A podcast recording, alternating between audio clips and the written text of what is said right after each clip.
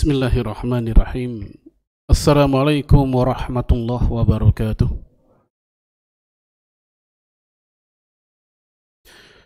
إن الحمد لله نحمده ونستعينه ونستغفره ونعوذ بالله من شرور أنفسنا وسيئات أعمالنا من يهده الله فلا مضل له ومن يدلل فلا هادي له أشهد أن لا إله إلا الله وحده لا شريك له وأشهد أن محمدا عبده ورسوله لا نبي بعده.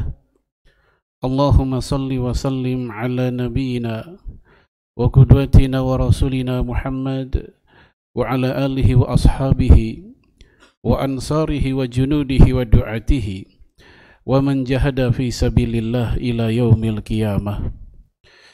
وقال عليه الصلاة والسلام كما جاء في صحيح مسلم إن الملائكة لا تدع أجنحاتها رضا لطالب العلم بما يطلب أما بعد معاشر المسلمين والmuslimat rahimani wa rahimakumullah Alhamdulillah pada siang hari ini setelah sholat zuhur berjamaah kita bisa melanjutkan dengan mengkaji di antara ayat-ayat Allah dan sunnah-sunnah Rasulullah Sallallahu Alaihi Wasallam. Dan ini merupakan salah satu nikmat besar yang Allah berikan kepada kita, di mana kita tidak dimasukkan ke dalam golongan orang-orang yang mahrum. Apa mahrum? Yaitu orang yang terhalang untuk mendapatkan rahmat Allah Subhanahu wa taala. Salah satu bukti bahwa kita masih diberikan rahmat oleh Allah itu diberikan peluang, kekuatan, irodah, kehendak untuk hadir sholat zuhur berjamaah. Ketika mungkin banyak orang, saudara kita, yang memiliki kesehatan saat waktu, memiliki kelapangan waktu, tetapi hal itu semua tidak membuat mereka hadir dalam sholat zuhur berjamaah tanpa bermaksud berbangga kita hanya ingin memberikan bertahaddus bin ni'mah bahwasanya apa yang kita rasakan pada siang hari ini ini merupakan nikmat yang Allah berikan kepada kita dan kita patut mensyukurinya. Kemudian jemaah sekalian, semoga apa yang kita lakukan ini menjadi amal jihad fi sabilillah. Ketika Rasulullah sallallahu alaihi wasallam menyebutkan dalam riwayat Imam Ahmad, "Man dakhala masjidana hadza liyata'allama khairan aw yu'allimahu kana kal mujahid fi sabilillah. Barang siapa yang masuk ke dalam masjid kalau tujuannya untuk mempelajari kebaikan atau mengajarkan kebaikan, maka dia bagaikan mujahid fi sabilillah. Semoga kita termasuk di dalamnya. Namun kebalikannya, waman dakhalahu li ghairi dzalik, barang siapa yang masuk ke dalam masjid bukan untuk itu ke dalam masjid ada tujuan-tujuan yang lain. Dia masuk ke dalam masjid dalam rangka latar belakang atau motivasi keduniaan. Maka kata Rasulullah sallallahu alaihi wasallam, "Kana kanaziri ila ma lahu." Orang itu bagaikan orang yang sedang melihat-lihat sesuatu, memandang sesuatu, tetapi sesuatu yang dia pandang bukan kepunyaannya, bukan miliknya. Mirip seperti orang yang datang ke museum atau pameran, hanya bisa melihat tapi tak berkuasa membeli atau memilikinya. Berbeda dengan golongan yang pertama yang oleh Rasulullah disebut dengan mujahid fisabilillah. Jemaah sekalian, kita akan membahas tentang sebab-sebab terhapusnya amal soleh kita. Biasanya pembicaraan tentang amal soleh itu nggak jauh-jauh dari bagaimana memunculkan amal soleh tersebut, mengeksiskannya. Maka pembicaraan tentang syarat sebuahnya amal sering dibahas. Syarat solat, rukun solat, syarat haji, rukun haji, syarat puasa, rukun puasa. Tetapi bagaimana cara merawat amal tersebut hingga sampai menjumpai kita pada yaumul akhir nanti, relatif pembahasannya sedikit dibanding pembicaraan tentang bagaimana memunculkan, mengeksiskan amal tersebut. Inilah letak urgensitas pembahasan kita karena apakah amal soleh manusia terhapus. Jemaah sekalian azanillahu yakum, sebelum saya masuk ke poin yang pertama. Kenapa iman amal soleh ini kita bahas? Padahal pembahasan iman amal soleh ini sesuatu yang sangat uh, reguler, sangat sering orang bahas. saking seringnya orang bahas kita ngerasa biasa saja dalam telinga kita ketika mendengar iman dan amal soleh. Padahal iman dan amal soleh oleh Allah Subhanahu wa Ta'ala itu dijadikan salah satu variabel terpenting manusia terbaik.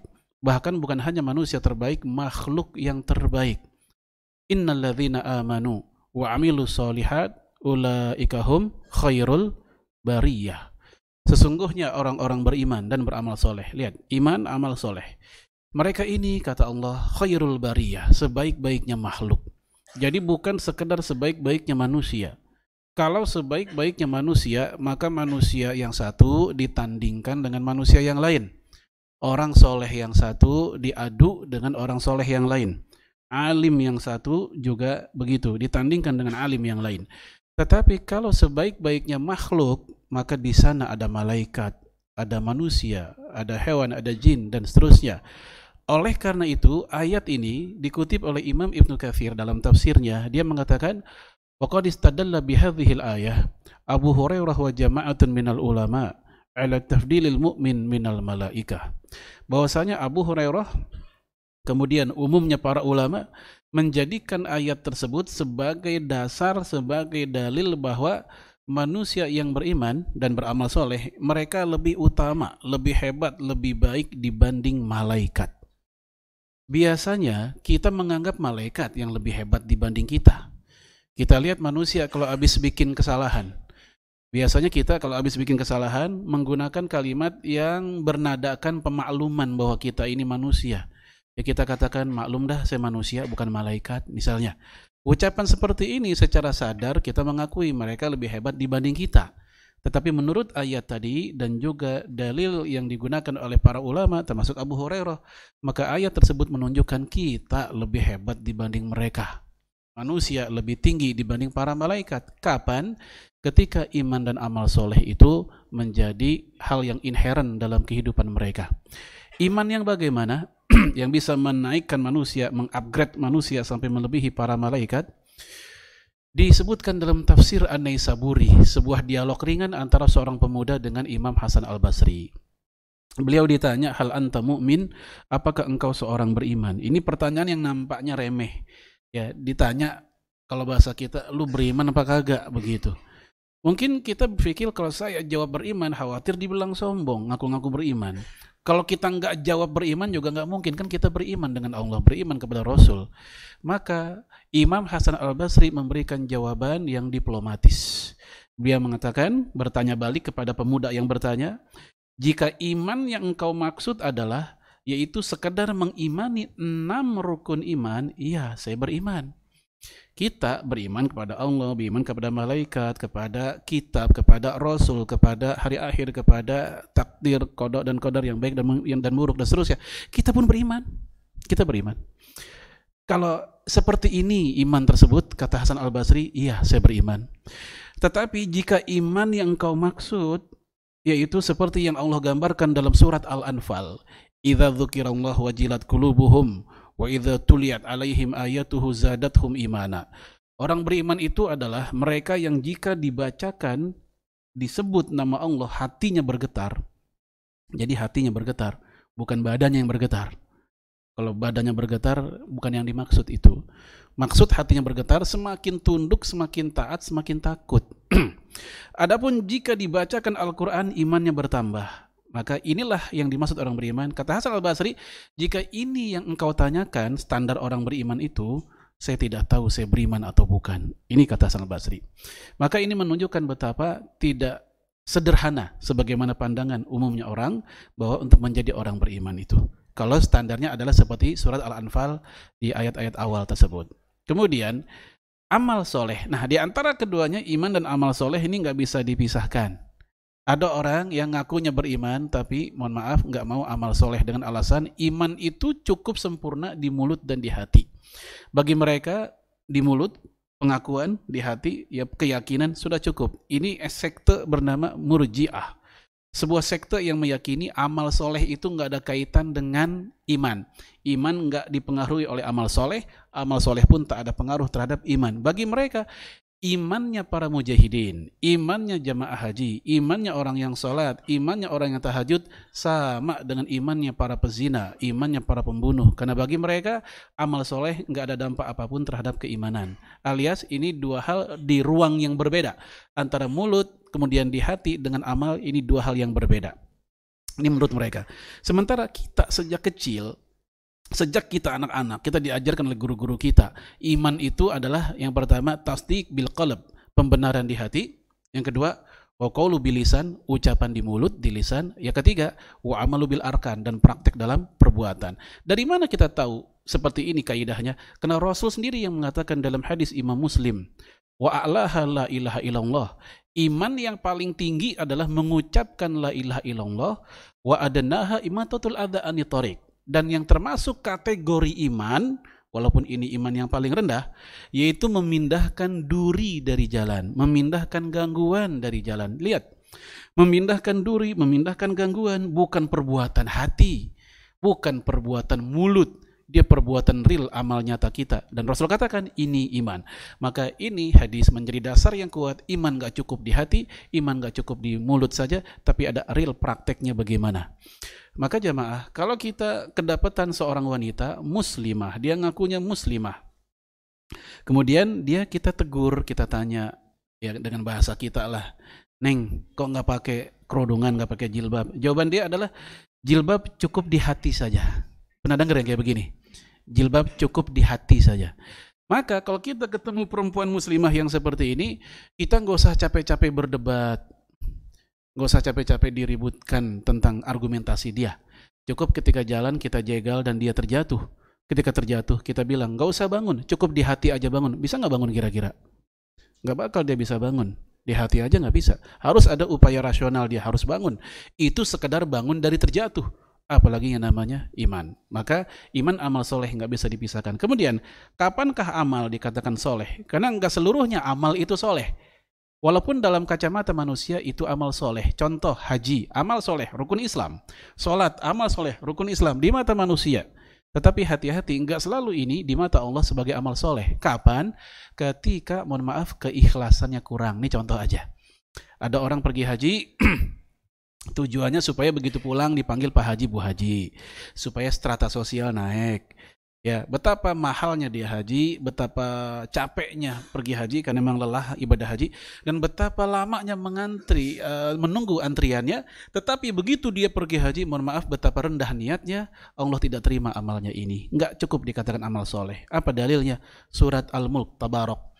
Tabarakalladzi biyadihil mulku wa huwa ala kulli syai'in qadir alladzi khalaqal mauta wal hayata liyabluwakum ayyukum ahsanu amala yaitu kalimat yang berbunyi liyabluwakum ayyukum ahsanu amala Allah hendak menguji kalian kita semua saya dan jamaah semua siapakah di antara kita yang paling bagus amalnya bukan yang paling banyak kalau yang paling banyak yang tuaan yang menang nanti ini yang paling bagus amalnya siapakah dia ayat ini dijelaskan oleh salah satu guru dari Imam Syafi'i. Siapa dia? Al-Fudail bin Iyad.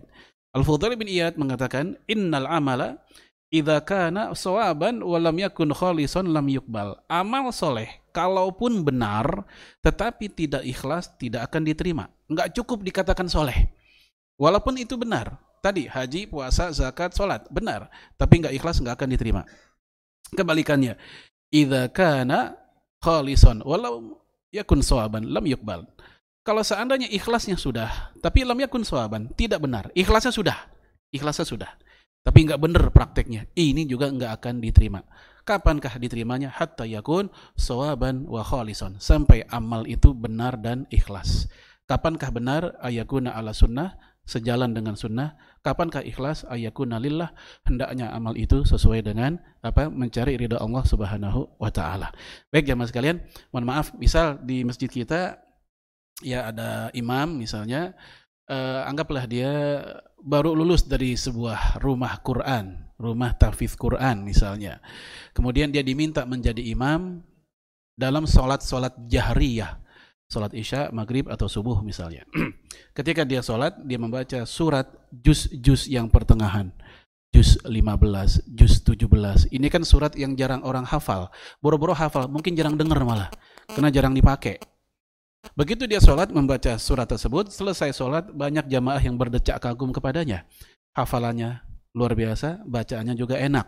Dan ternyata di antara jamaahnya, di antara makmum ada mertuanya sendiri. Tentunya, mohon maaf dia akan dipuji, mertua juga dipuji. Dan itulah targetnya. Itu target dia membaca itu supaya muncul pujian dari jamaah. Di mata kita ini amal soleh, di mata Allah ini bukan amal soleh. Karena dia mencari mohon maaf mencari muka di antara manusia bukan mencari ridha Allah Subhanahu wa taala. Baik, apa saja perbuatan atau aktivitas yang membuat seseorang teranulir amal solehnya? Di antara yang teranulir amal soleh itu ada dua model, ada yang teranulir semuanya, hilang semua amal soleh kita, habis. Ada yang beberapa saja terkait dengan amal soleh tersebut. Nanti kita rinci. Yang pertama, yaitu riddah, riddah murtad. Murtad orangnya, ridah perbuatannya. Wa may yartadid minkum an dinih. Barang siapa di antara kamu yang murtad dari agamanya, an dinih kata Imam Ibnu Jarir atau Bari yaitu an dinil Islam. Keluar dari agama Islam. Jadi bukan keluar dari agama lain ke agama lain, tapi keluar dari agama Islam ke agama lain. Ini yang dimaksud dari ayat an dinih tadi. Kemudian Ya fayamut wa huwa kafir. Ketika dia murtad itu yamut, dia wafat, meninggal dalam keadaan murtad, wa huwa kafir dan statusnya dalam keadaan kafir. Maka orang ini faulaika habitat a'maluhum fid dunya wal akhirah, maka mereka inilah orang-orang yang terhapus amalnya di dunia dan di akhirat. Nah, jemaah sekalian, apakah yang dimaksud dengan fahabitat a'maluhum fid dunya wal akhirah? Dijelaskan oleh Imam itu Jarir atau Bari, maksudnya adalah yaitu thawabaha wa jazaaha. Balasannya, pahalanya dan juga balasannya. Di dunia pahalanya, di akhirat balasannya. Ini dijelaskan oleh Imam Ibnu Jarir atau Bari. Lalu kemudian murtad itu eh, ada dua model ya secara global. Pertama ada orang yang terang-terangan dirinya murtad. Dia mendeklarkan dirinya keluar dari Islam. Misal ada orang mengatakan saya sejak sekarang bukan lagi seorang muslim. Nama saya ganti menjadi Anu, tadinya Anu dan seterusnya. Yang kayak begini jelas tanpa ragu lagi secara kasat mata kita ya tanpa takwil macam-macam, tanpa tafsir macam-macam, dia telah keluar dari Islam sesuai dengan pengakuannya sendiri. Yang kedua, yaitu mereka yang murtad tanpa sadar. Mereka tidak pernah mendeklarkan dirinya keluar dari Islam, ya masih mengaku dirinya muslim tetapi perkataannya perbuatannya atau keyakinannya. Tiga tuh. Perkataan perbuatan keyakinan. Tiga hal ini membuat perilakunya apa pelakunya keluar dari Islam. Contoh. Seperti yang dikatakan oleh Syekh Abu Bakar bin Jabir Al-Jazairi ya silakan kalau di perpustakaan di sini ada kitabnya kitab Minhajul Muslim itu ada bab tentang perkataan dan perbuatan yang membuat murtadnya seorang muslim. Di antaranya yang pertama dia sebut yaitu man kullu man saballah wa rasulah wa malakan min malaikatihi fahuwa kafaro fakot kafaro. Barang siapa orang yang terang-terangan dia memaki-maki Allah, Allah dimaki-maki. Memaki-maki Rasulullah, memaki-maki malaikat di antara para malaikatnya maka orang ini bahwa kafir, dia telah keluar dari Islam. Memaki-maki Allah. Ya dengan perkataan yang keras atau perkataan yang mungkin intonasinya nggak keras, tapi konteksnya sama, sama-sama memaki-maki. Seperti sering terjadi dalam syair-syair nyanyian, lagu-lagu. Ya, saya nggak sebut dulu ada syair nyanyian yang cukup terkenal, mungkin sampai hari ini juga sebagian jamaah pernah dengar lagunya. Ya, ketika pensyairnya, pembuatnya, liriknya berbunyi, semoga kau tak tuli Tuhan. Lagunya siapa? Mungkin pernah dengar. Semoga kau tak tuli Tuhan.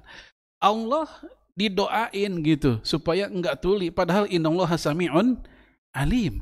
Allah Maha mendengar lagi Maha mengetahui. Didoakan semoga engkau tak tuli Tuhan. Ya, saya enggak sebut nama penyanyinya ya cukup terkenal, legenda di Indonesia. Kemudian juga misalnya ya kalimat-kalimat serupa di lagu-lagu yang pernah dia karyakan juga hatiku rasa, aku yakin ini bukan takdir Tuhan. Mengingkari takdir Allah. Salah satu pengingkaran terhadap rukun iman. Ini sabballaha, memaki-maki Allah walaupun dengan bahasa nyanyian supaya agak kesan halus gitu. Padahal konteksnya sama, memaki Allah, merendahkan Allah dalam masalah faalnya, perbuatannya kepada makhluk. Uh, walaupun kita tetap berbaik sangka semoga si pelakunya, si pembuat liriknya, ketika dia menyusun itu nggak nyadar, nggak tahu kalau itu sebuah kesalahan. Karena sikap kita kepada orang yang tergelincir, tentu kita berbaik sangka semoga Allah memaafkan dia karena kebodohannya, karena ketidakfahamannya. Kemudian memaki-maki Rasulullah Shallallahu Alaihi Wasallam. Ini kasus anak SMA di daerah Palembang, seingat saya. Dia uh, memotret, memoto seekor babi, kemudian babi itu ditulis di tubuhnya dengan tulisan Muhammad. Jadi Rasulullah alaihi salatu wasallam dipersonifikasikan dalam wujud seekor babi. Ya, tapi dia ngakunya muslim. Maka jamaah sekalian ini jelas memaki-maki Rasulullah alaihi salatu wasallam. Nah, sekarang kan musim medsos dan medsos itu kadang bikin akun-akun hoak, akun palsu. Mumpung akun palsu, nggak ketara jati dirinya, dia bebas berekspresi walaupun ekspresi yang sangat buruk. Toh nggak ketahuan ini. Mungkin itu pikiran dia. Dia memaki-maki Allah di situ memaki Rasulullah di situ dan memaki-maki para malaikatnya. Ini contoh aja kemurtadan karena faktor perkataan. Yang kedua karena faktor perbuatan. Ini disebutkan oleh Imam Nawawi. Dan di dalam kitab Minhajul Muslim juga ada. Siapa mereka? Di antaranya yaitu kuluman ya dasal Quran birijlaih ihanatan fakot kafaro orang yang menginjak Al-Quran ini perbuatan Al-Quran diinjak. Atau mungkin cara lain ditongkrongin misalnya. Ya ihanatan dalam rangka menghina. Bukan karena nggak sengaja itu lain kasus. Ya tas kita ada Quran kita naruh sembarangan tasnya. Orang lalu lalang lewat keinjak maklum. Lagi kredit lagi rame. Atau orang kargo ya Quran dijual belikan kan? Ya di kerdus dipak dikirim gitu. Dan orang kargo kita tahu sendiri kan asal lempar aja nggak tahu kalau dalamnya Quran. Kadang keinjak juga ketika ngambil barang yang lebih tinggi. Dia nggak tahu ada Al-Quran di sana. Nah di sini dia nggak sengaja nggak berniat buat ihanatan. Yang kita bahas tadi orang yang sengaja menginjak untuk ihanatan. Untuk menghinanya, merendahkannya, maka yang kayak begini fakot kafaro. Dia telah keluar dari Islam, sengaja menghina Al-Quran. Bukan hanya tentu fisiknya, tapi juga tentu ajarannya juga.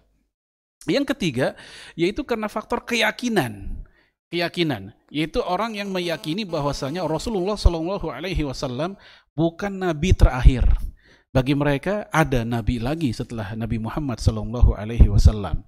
Padahal tegas Rasul katakan dalam hadis Sahih Bukhari, ya saya ti nas akan datang zamannya kepada manusia ya dajjaluna kadzabun min qaribin thalathin. Dajjal-dajjal pembohong jumlah mereka mendekati 30 kulluhum yas'umuna annahum rasulullah. Mereka semua mengklaim dirinya sebagai rasul. Fala nabi ba'di. Padahal nggak ada lagi nabi setelahku. Ini hadis jelas. Kenapa kok Rasul menyebut 30 dajjal-dajjal pembohong 30 ya mendekati 30 Imam Ibnu Hajar memberikan penjelasan tentang ayat ini tentang hadis ini dalam Fathul Bari beliau silakan ntar dicek di Fathul Barinya yaitu tentang orang-orang yang ngaku sebagai seorang rasul dengan pengikut jumlahnya banyak, nabi palsu dengan pengikut jumlah yang banyak, itu berjumlah mendekati 30. Itulah yang dimaksud dengan dajjal-dajjal pembohong yang jumlah mereka mendekati 30. Sementara semata-mata nabi palsu jumlahnya lebih dari 30. Semata-mata nabi palsu jumlahnya lebih dari 30. Tetapi dengan pengikut yang banyak, pengikut yang luar biasa banyaknya, jumlah mereka mendekati 30. Ini kata Imam Ibnu Hajar al-Asqalani. Nah jemaah sekalian, ini contoh keyakinan. Kita meyakini, ikut-ikutan meyakini dia seorang nabi. Setelah Rasulullah sudah nggak ada lagi. Maka yang begini keyakinannya, keyakinan yang membuat pelakunya telah keluar dari Islam, melanggar rukun iman yang ke berapa? Yang ketiga atau yang keempat, beriman kepada ya nabi dan rasul. Tapi jemaah, ini contoh perkataan, perbuatan, keyakinan. Si pelakunya mungkin nggak nyadar nggak menyadari itu. Maka apakah langsung jatuh murtad kepadanya? Di sinilah bab khilafiyah para ulama. Apakah orang yang melakukan ke murtadan atau kesalahan yang melanggar akidah langsung jatuh murtad? Ataukah ditegakkan hujah dulu ketika dia ngelawan baru murtad? Ataukah langsung dikatakan murtad? Ini ulama kita khilafiyah dalam masalah itu. Baik jamaah sekalian. Ini yang pertama yang membuat teranulirnya amal soleh seseorang yaitu murtad. Yang kedua, yang kedua yaitu asyirku, syirik. Sebenarnya ini include ke yang pertama, tetapi saya pisahkan karena dalam Al-Quran sendiri Allah memisahkan antara keduanya. Lain asyrakta la yahbatunna amaluk, kata Allah. Barang siapa di antara kalian yang bikin kesyirikan, ya jika kalian syirik, maka terhapus amal-amal kalian. Nah jamaah sekalian, syirik kita tahu ada dua. Ada syirik yang akbar, syirkun akbar, ada syirkun asgar, syirik kecil. Syirik akbar, ini kesyirikan yang membuat pelakunya keluar dari Islam. Seperti orang yang terang-terangan, mohon maaf, nyembah selain Allah. ini jelas kalau ini mah. Ya, kita dat kedatangan atau melihat seseorang yang datang ke kelenteng atau mungkin apa lain istilahnya vihara atau apalah semisal itu, dia sedang sembahyang Allah agama di sana. Dia muslim ngakunya, tapi dia melakukan ini, ini sangat jelas, sangat jelas, sangat tegas, sangat kasat mata dia melakukan kesyirikan akbar. Nah ini keluar dari Islam. Yang terhapus apanya? Semua amal solehnya. Sama yang murtad tadi. Mau amal duniawinya, apa amal akhiratnya, amal infirodinya, kolektifnya dan juga pribadinya, amal jama'inya, semua. Amal hartanya, amal fisiknya, semua terhapus. Atau contoh yang lain seperti ini sering dilakukan oleh kaum wanita, walaupun saya mencoba tetap berbaik sangka mungkin karena faktor ketidakfahaman. Apa itu? Ittakhadha ghairallahi musyarri'an. Menjadikan selain Allah sebagai pembuat syariat. Contohnya apa? Dalam masalah pembagian waris. Seakan-akan pembagian waris dalam syariat Islam kurang adil. Ya seolah Allah nggak ngerti apa itu adil. Seolah nggak faham Allah itu apa itu uh, proporsional. Sehingga kata mereka, udah deh jangan pakai hukum warisan. Kok dua banding satu? Padahal kan saya sama dia dibesarkan di keluarga yang sama oleh orang tua yang sama, diempanin sama makanan yang sama juga. Kenapa abang saya dua kali dari saya? Nah, misalnya begitu. Akhirnya dibikin yang namanya bagi rata tadi. Padahal keadilan itu nggak selalu bermakna bagi rata, tapi proporsional. Ya saya ambil contoh, mohon maaf, saya punya anak lima dengan beragam usia ada yang SMA kelas 3, kelas 12 istilah sekarang, ada yang kelas 11, ada yang masih SD, SD dan masih kecil.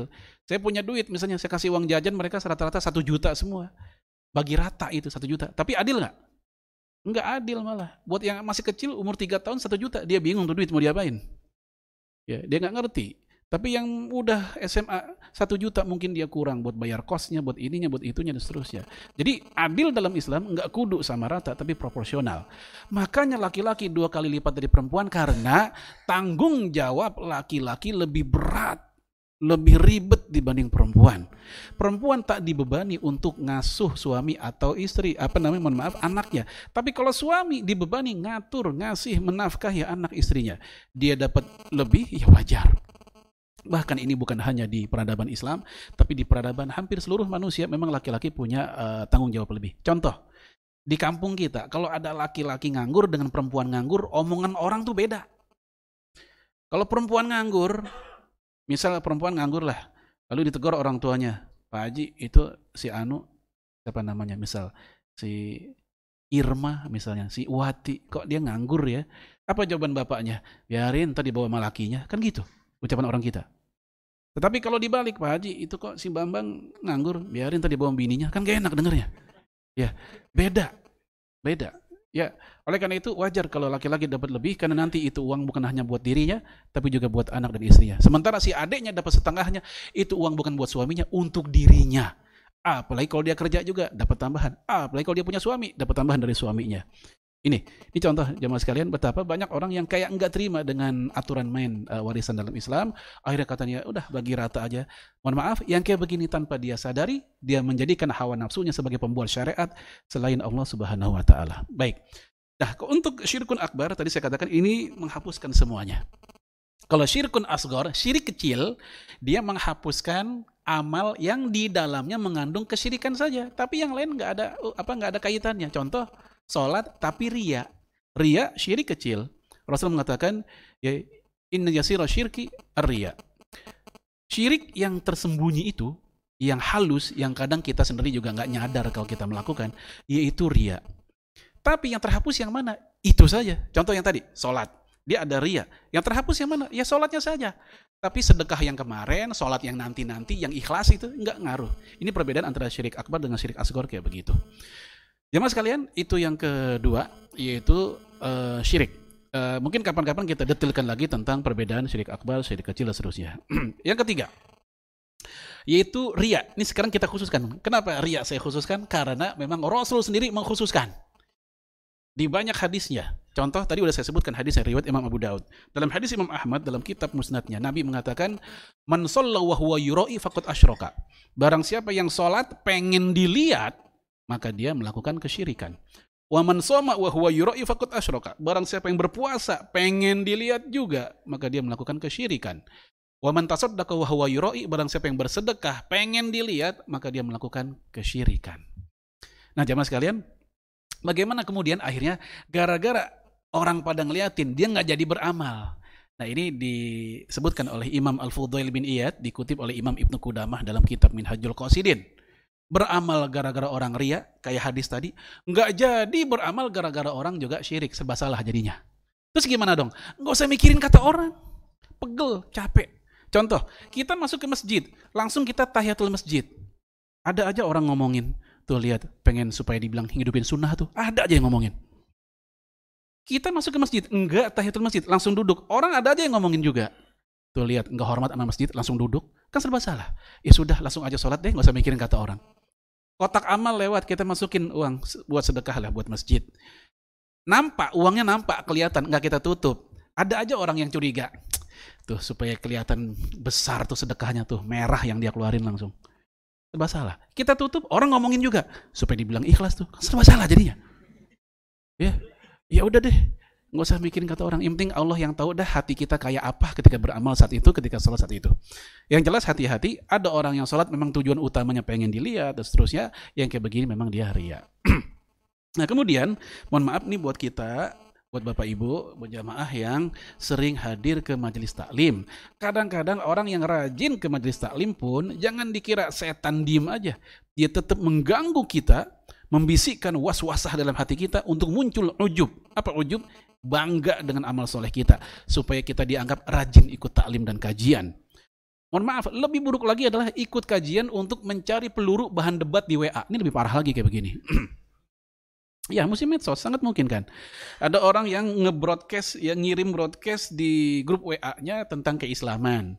Kemudian muncul ada yang tanggapannya begitu. Ya, lalu diskusi lama-lama menghangat. Saking hangatnya panas lama-lama left group tiga orang kan begitu. Ya ada satu dua orang yang berargumen terus nih ya saling membalas hingga akhirnya ada titik di mana nggak bisa jawab lagi. Dan dia pun berencana nanya ke gurunya datang ke majelis taklim bukan untuk memperbaiki diri bukan untuk memperbaiki kualitas ibadah dan kehidupannya tapi dalam rangka untuk mencari jawaban buat menghantam dia. Pak Ustadz saya punya masalah. Ada orang bilang begini gini gini. Gimana ya?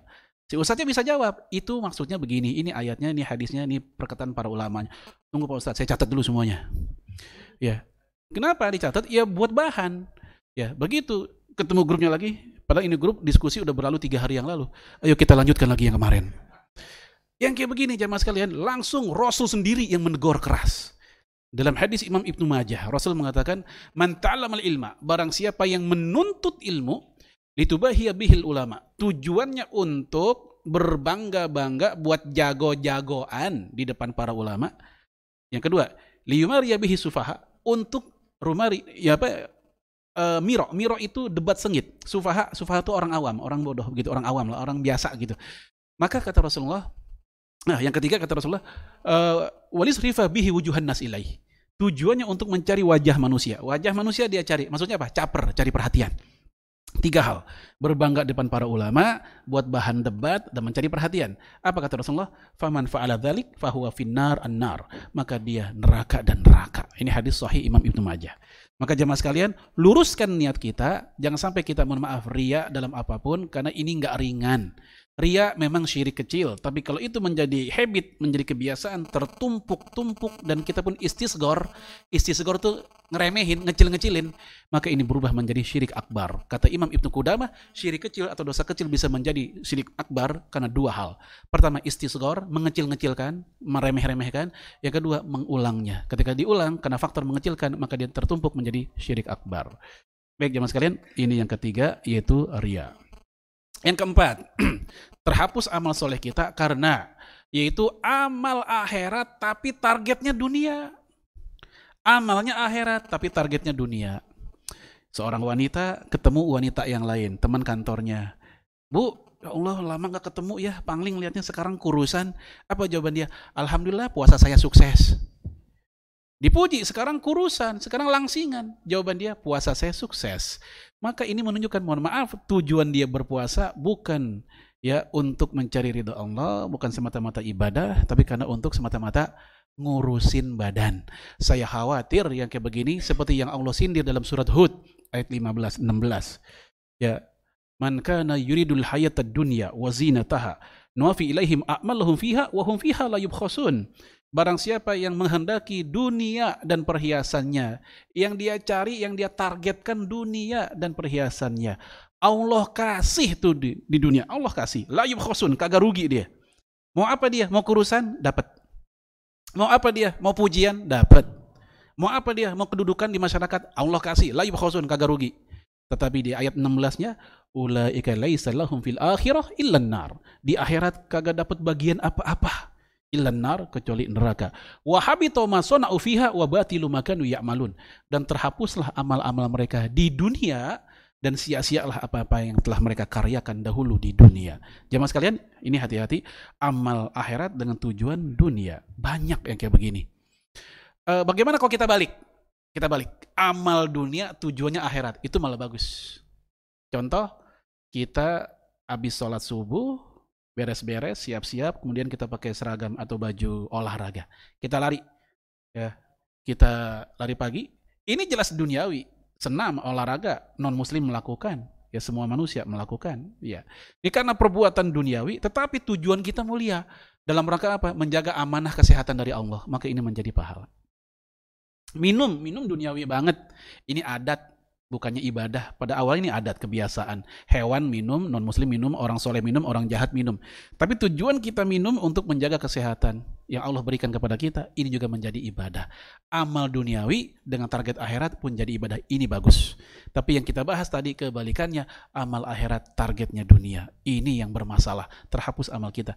Dan Imam Ibnu Rajab Al-Hambali punya pandangan yang begitu apa namanya strict ya, agak keras kata beliau Walaupun target duniawinya hanya sedikit, masuk menyusup ya ke amal soleh akhirat kita itu cukup baginya menggugurkan, merubuhkan semuanya. Nah, beliau agak berbeda dengan Imam Al-Ghazali rahimahullah.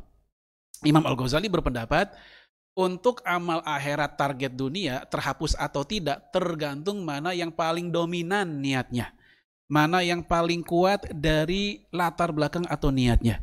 Kalau yang paling kuat, yang paling dominan masih akhirat, walaupun target duniawinya ada, maka belum terhapus, hanya saja tidak sempurna.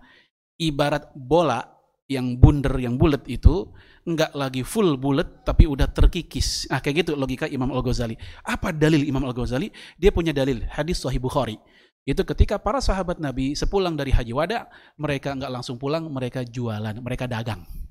Maka seakan-akan nyambi kan, ya haji juga, dagang juga, mirip kayak sebagian jemaah haji kita. Ketika pergi haji banyak banget pesanan. Kayak gitu nggak? Beliin gua ya apaan?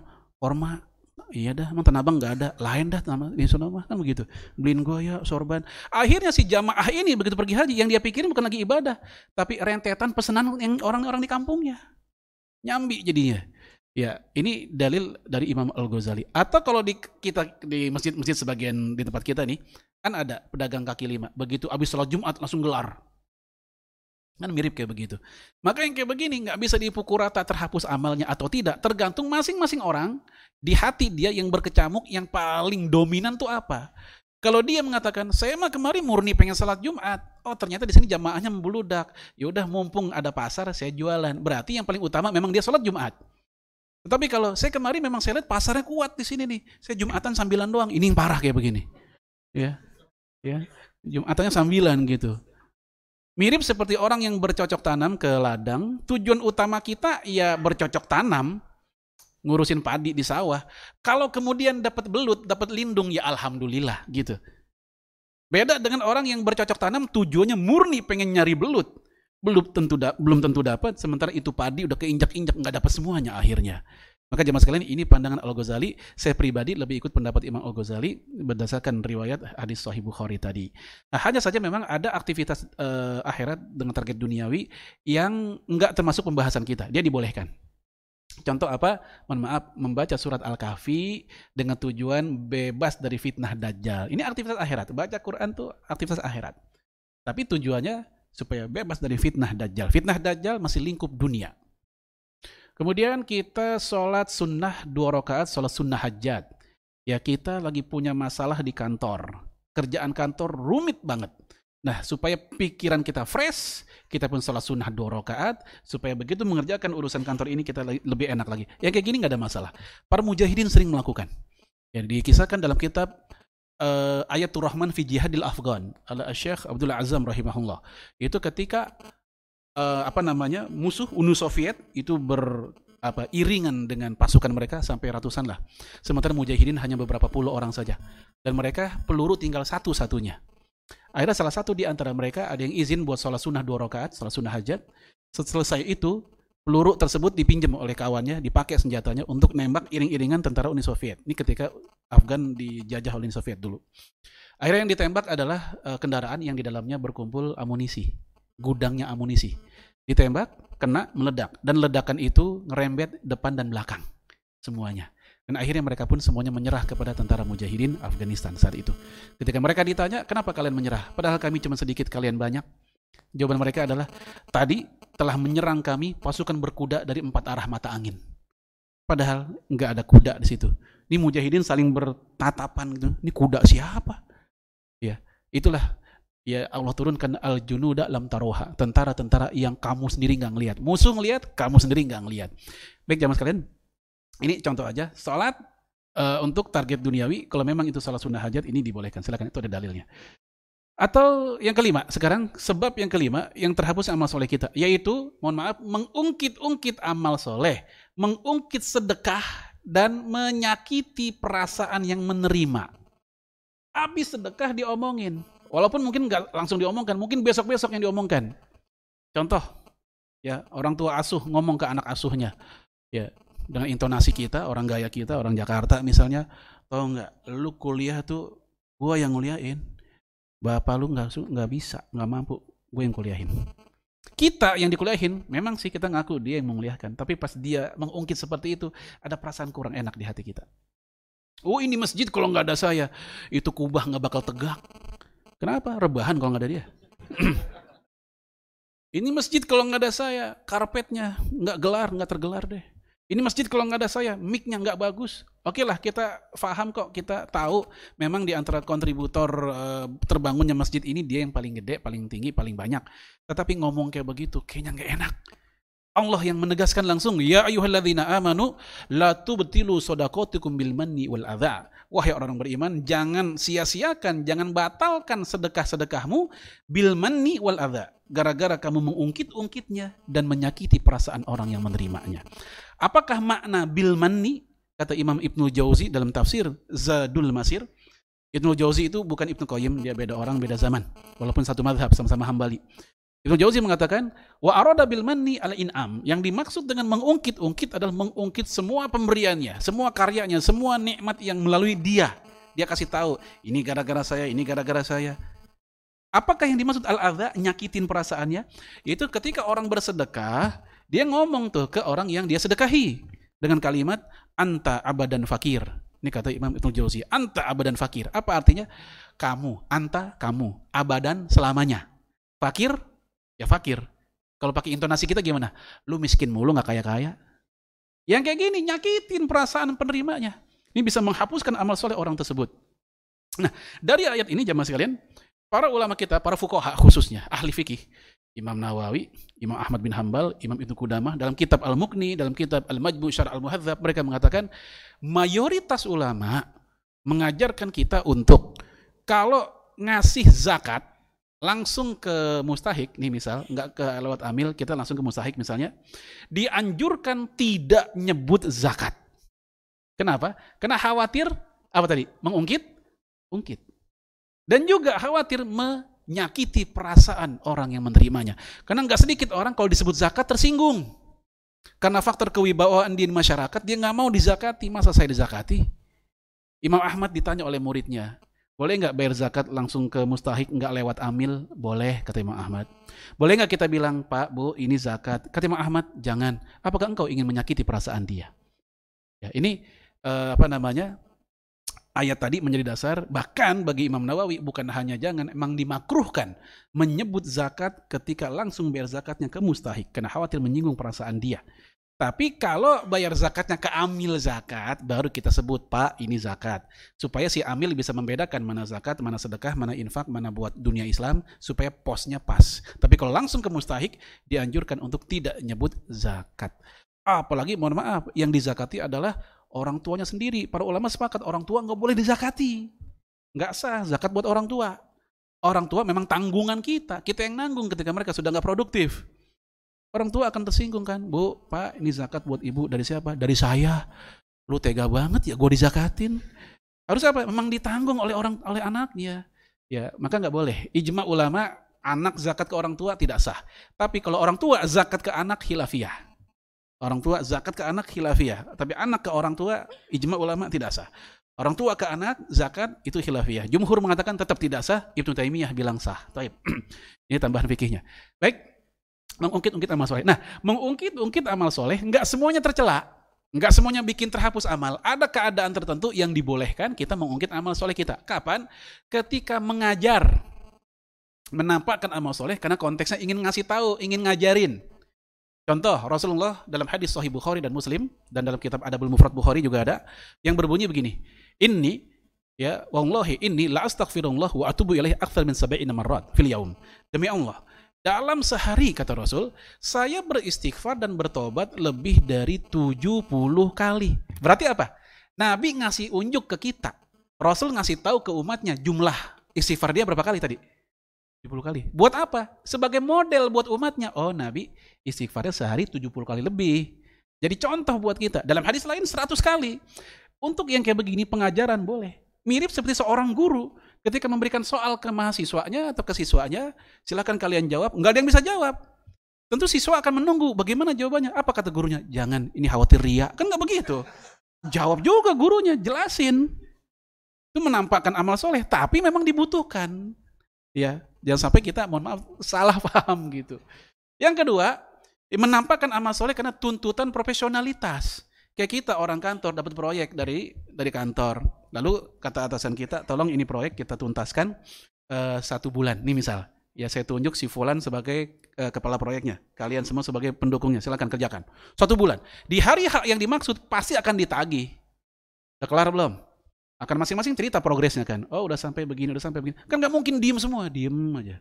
Dengan alasan khawatir mengungkit-ungkit amal soleh. Harus cerita, boleh. Apa dalilnya? Rasul pun melakukan. Ketika Rasulullah meminta kepada Jabir bin Abdullah, Jabir dapat tugas mengislamkan Bani Mustolik. Mendakwahkan Bani Mustolik. Ketika dia sudah dakwah di sana, lalu dia balik lagi ke Rasulullah, Rasul bertanya bagaimana hasil dakwah di sana. Maka diceritakan oleh Jabir bin Abdullah, nggak ada masalah. Bapak-bapak sebagai guru, ya kita guru di sekolah, di kelas. Masuk kelas, kelas berantakan, kotor, sampahnya banyak. Kita udah capek, udah pegel, udah ngasih tahu ke piket, Akhirnya sebagai seorang guru, ah daripada capek saya suruh-suruh, saya sendiri yang bersihin. Si guru yang bersihin sendiri. Dipungut itu bungkusan makanan atau botol minuman. Siswa akhirnya gimana? Kan terenyuh juga. Aduh kasihan guru kita. Yuk bantuin kasihan nih, ayo piketnya. Semua ikut. Ini memberikan contoh. Menampakkan amal soleh memberikan contoh nggak ada masalah. Walaupun ada juga siswa yang kebangetan, Pak yang sebelah sini belum gitu. Kebangetan siswa. Ya bukannya bantuin malah nyuruh yang lain. Baik jemaah sekalian, ini yang ke berapa tadi? Yang keempat, kelima. Yang kelima ya, yaitu uh, mengungkit amal soleh dan menyakiti perasaan si penerimanya. Kemudian yang keenam, yang juga membuat terhapus amal soleh kita, yaitu mohon maaf, ini dosa mulut dan tangan kita. Mulut dan tangan kita. Kapan itu? Nabi sebutkan dalam hadis sahih Muslim. Rasul bertanya kepada para sahabat, Atadarauna manil muflis? Tahu nggak kalian siapakah orang bangkrut? Muflis, bangkrut. Jawaban para sahabat, al-muflis fina, orang bangkrut di antara kita adalah yaitu man la dirhama wala mata. Orang yang nggak punya duit, nggak punya dirham dan nggak punya mata. Mata tuh aset, nggak punya barang. Ini jawaban yang benar karena Rasul kan apa para sahabat kan pedagang. Kalau para pedagang bangkrut itu kan duit nggak ada, barang juga nggak ada. Ini jawaban yang benar. Tetapi bukan itu maksud Rasulullah. Maka Nabi pun meluruskan Kata Rasulullah, al-muflis fina ya ya'ti rajulun yaumal qiyamati. Datang seorang laki-laki pada hari kiamat nanti di antara umatku, bisolatin dengan membawa solatnya, wasiyamin membawa puasanya, wasodakotin membawa sedekahnya, membawa zakatnya, dan seterusnya. Rentetan amal ibadahnya dibawa semua sama dia. Walakin tetapi syata mahada. Si laki-laki ini memaki-maki saudaranya nyela, mencela saudaranya, mencela orang lain, sesama muslim nih, maka itu muflis, bangkrut si pelakunya. Apa bangkrut? Habis amal solehnya nanti. Maka jamaah, kalau kita pernah mengalami jadi korban caci makian orang, ingat-ingat sama hadis ini. Pengen sih ngebales caci maki juga, pengen gitu. Tapi kita buru-buru ingat sama hadis ini, itu orang muflis. Paling sering kan di jalan raya, kendaraan. Nggak sengaja kita nyenggol spakbornya dia, atau spionnya dia, berhenti, turun dari motor, buka helm, melotot ke kita. Keluar nama-nama hewan di situ. Kita sih mau balas. Kenapa? Karena kita ya sakit hati juga. Tapi kita ingat sama hadis ini. Ingat-ingat. Jangan. Karena Rasul mengatakan apa? Allah berfirman dalam Al-Qur'an, "Wa jazaa'u sayyi'atin sayyi'atu misluha." Balasan keburukan adalah keburukan yang setimpal. Ayat ini seolah-olah memberikan peluang kalau kita dijelekin sama orang, balas setimpal boleh. Balasan keburukan keburukan yang setimpal. Dicaci maki kita. Monyong lu, lu juga setimpal. Jangan monyong lu, lu udah monyong, jelek, hitam, pendek, kurus lagi. Ini nggak boleh dah tuh. Ya, tetapi jangan lupa, tadi ayat yang saya kutip itu belum titik, itu masih ada lanjutan. Apa bunyinya? Wa man afa wa aslaha fa ajruhu Allah. Barang siapa yang memaafkan dan berdamai dapat pahala dari Allah. Jadi ada dua opsi dalam ayat tersebut. Opsi membalas dan opsi memaafkan dan berdamai. Opsi membalas boleh, opsi berdamai dan memaafkan berpahala. Pilih yang mana? Opsi boleh apa opsi afdol? Afdol, idealnya, idealnya ya. Kok kau bicara hawa nafsu mah ya balas dulu baru afdolnya gitu. Biar dua-duanya dapat. Ya. Baik. Nah, kita dicaci maki, nggak usah uh, khawatir banget ingat sama hadis ini dia muflis. Syata mahada. Mohon maaf nih. Termasuk mencaci maki saudara kita sama muslim dengan nama-nama hewan. Cebong sama kampret. Terlarang, terlarang jelas. Dalam riwayat Imam Ibnu Abi Syaibah dalam kitab Al-Musannaf, Ibrahim An-Nakhai mengatakan, "Qalu para sahabat Nabi Ya mereka mengatakan kepada sesama mereka, La takuli akhi, jangan engkau panggil saudaramu, ngatain saudaramu. Ya himar, wahai keledai. Ya kalb, wahai anjing. Ya khinzir, wahai babi. Ini karena intonasi Arab aja pakai wahai, kayaknya agak sopanan begitu. Kalau kita kan nggak pakai wahai Indonesia mah. Langsung nama-nama hewan ya, kan gitu. Lalu kemudian apa kata mereka?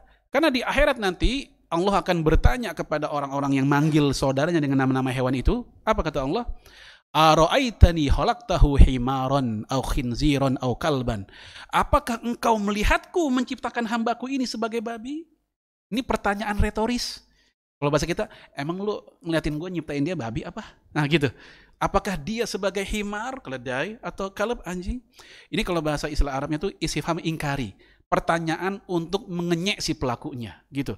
Sama kayak seorang ibu marah sama anak tapi bentuk marahnya dengan pertanyaan. Emang pantas anak soleh kayak begitu? Eh dijawab pantas. Kan bukan itu maksudnya. Maksudnya itu marah kepada si anak tersebut. Nah kayak gitu kurang lebih. Ini nyaci maki dengan nama hewan. Jangan. Baik kemudian yang kedua kata Rasul masih di hadis yang sama. Wa kodhafa hadha. Kodhafa itu menuding. Menuduh saudaranya. Ini juga kan lagi musim ano, uh, politik ya saling nge-share berita negatif tentang lawan politik. Ya, biasanya kalau berita negatif tentang lawan politik itu kesadaran buat tabayun tipis. Kalau berita negatif tentang lawan politik, kesadaran buat tabayun tipis, langsung di-share. Tapi kalau berita negatif tentang teman kita, tentang yang kita dukung, kesadaran buat tabayun luar biasa. Tentang keburukan yang kita dukung si Anu begini, apa jawaban kita? Bener nggak tuh? Jangan-jangan editan, jangan-jangan bohong. Kenapa? Karena dia yang kita dukung. Tetapi kalau yang bukan yang kita dukung, lawan kita, begitu ada yang negatif tentang dia, nggak ada tuh kalimat tabayun dulu, bener dulu, bener apa enggak? Enggak, langsung di-share. Ini tidak adil dalam menimbang berita. Dan Allah tegaskan, wailul lil mutaffifin alladzina idza talu 'alan nasi yastawfun wa idza kaluhum aw wazanuhum yukhsirun. Celakalah orang yang curang dalam timbangannya. Kalau buat orang lain dikurang-kurangin, buat dirinya di lebih-lebihin. Mirip kayak begitu. Curang timbangan bukan hanya masalah bensin dan beras. Masalah, mohon maaf, menerima berita juga curang dalam timbangan. Kalau hal-hal yang positif tentang yang kita cintai, langsung di-share. Yang buruk kita katakan, cek dulu beritanya, tabayun dulu. Harusnya yang namanya tabayun berlaku buat semua. Yang namanya cek and recheck berita berlaku buat semua, bukan hanya buat orang yang kita benci atau yang kita cintai. Semua berlaku. Baik sekalian, ini qadha fahadha saling menuding, hati-hati. Yang ketiga yaitu wa akala malahadha, memakan harta saudaranya tanpa izin, tanpa hak. Saudara kita punya rum, apa punya pohon tetangga kita nih, pohon berbuah, mangga, rambutan atau apa, doyong ke rumah kita, doyong ke halaman kita. Tergoda kita itu mangga udah matang banget begitu. Ya, tanpa izin sama yang punya kita petik dengan alasan kan udah sampai ke rumah kita. Pokoknya apa pun ke rumah kita jadi milik kita. Ini kan bahaya kaidah kayak begini. Iya, ntar motor parkir jadi milik kita juga di situ. ya, tetap izin. Kecuali kalau yang punya udah bicara dulu. Pak, mohon maaf ya ini pohon saya kayak begini nih. Ya, doyong ke rumah Bapak. Kalau Bapak mau petik ambil aja Pak semuanya deh nggak apa-apa. Apalagi dibilang semua, udah sekarung kita ambil kan gitu. Udah ada izin, silakan. Kalau belum ada izin tetap nggak boleh, tetap izin. Walaupun mohon maaf sampahnya ke rumah kita, daun-daun keringnya ke rumah kita, tetap izin. Khawatir masuk kategori akala malahada, memakan harta saudara kita nggak tanpa hak.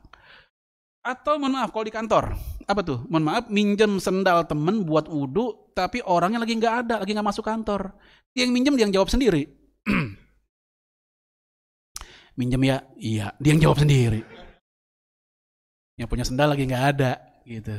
Karena dia berpatokan dengan keyakinan kuat. Ah, paling orang yang ngizinin kok omong teman akrab. Memang dalam fikih mazhab Syafi'i, dalam kitab Hasyiah Al-Bajuri, itu dikatakan bahwa seorang muslim mengambil barang saudaranya tanpa izin, tetapi dengan keyakinan, dengan dugaan kuat dia mengizinkan, itu boleh. Dengan dugaan kuat dia mengizinkan itu boleh. Apa dalilnya? Abu Bakar As-Siddiq radhiyallahu an. Ketika beliau menjadi khalifah, beliau memberikan izin kepada rakyatnya, siapa pun rakyatku yang malu-malu datang ke rumahku, walaupun aku lagi nggak ada, lihat, lagi nggak ada dia, maka hakikatnya dia bukan rakyatku. Sampai kayak begitu. Intinya apa? Silakan masuk ke rumah saya, walaupun saya lagi nggak ada. Berarti dugaan kuatnya Abu Bakar mengizinkan. Ini sama mirip dengan apa? Uh, budaya kondangan di negeri kita, kalau ngirim undangan, kartu undangan, itu kan nama kepala rumah tangga doang biasanya. Nama suami, anaknya nggak ada, istrinya nggak ada. Tapi pas kondangan yang datang sekeluarga. Kenapa? Karena dugaan kuatnya dia akan mengizinkan. Terbukti dari mana? Kalau kita datang sendiri malah ditanya, nyonyanya mana? Kan begitu. Malah ditanya. Kalau kita datang sendiri malah ditanya, mana istri? Tapi kalau kita datang rame-rame, ya kita ngerasa kan nggak diundang. Maka yang berlaku adalah urf tradisi. Maka disebutkan dalam kaidah fikih dua mazhab Syafi'i dan Hanafi, ma thabitum bil urfi thabitum bin nusus. Apa-apa yang dimunculkan oleh tradisi atau kebiasaan di sebuah negeri, ketika syariat tidak menolaknya, maka hal tersebut sesuai dengan syariat. Ya kalau memang mereka mengizinkan. Terus yang keempat kata Rasulullah yaitu wa dorobahada memukul saudaranya. Yang kelima yaitu wa fisku, fisku dimahada dan juga menumpahkan ya syafaqu dimahada, menumpahkan darah saudaranya. Lima tuh. Nyaci maki apalagi tadi uh, apa menud, menuding, menuduh, kemudian mengambil harta, kemudian memukul, kemudian menumpahkan darah. Lima hal ini kenapa kata Rasulullah? Maka orang yang melakukan ini fayu'to min hasanati ila hasanati. Kebaikan orang tersebut yang menjadi pelakunya akan pindah. Itu kebaikan pindah kepada yang jadi korbannya. Fa infaniat. Kalau amalnya habis, begitu pindah amalnya habis. Terauto debet amalnya habis. Sementara masih banyak korban lain yang belum mendapatkan haknya dari kita. Maka kebaikan mereka, apa namanya, keburukan mereka pindah ke kita. Begitu. Dosa saya bertambah dari orang lain, kebaikan saya pindah ke orang lain. Ini karena kesalahan mulut dan tangan tadi. Ini hadis sahih Imam Muslim tentang orang-orang yang bangkrut. Baik jamaah sekalian, mohon maaf, sebenarnya masih ada satu poin lagi, tapi ini waktu sudah cukup jam satu. Ya kapan-kapan lah kita bisa lanjutkan. Barangkali ada diskusi. Hadanallah wa yakum. Assalamualaikum warahmatullahi wabarakatuh. Ya silakan jamaah jika ada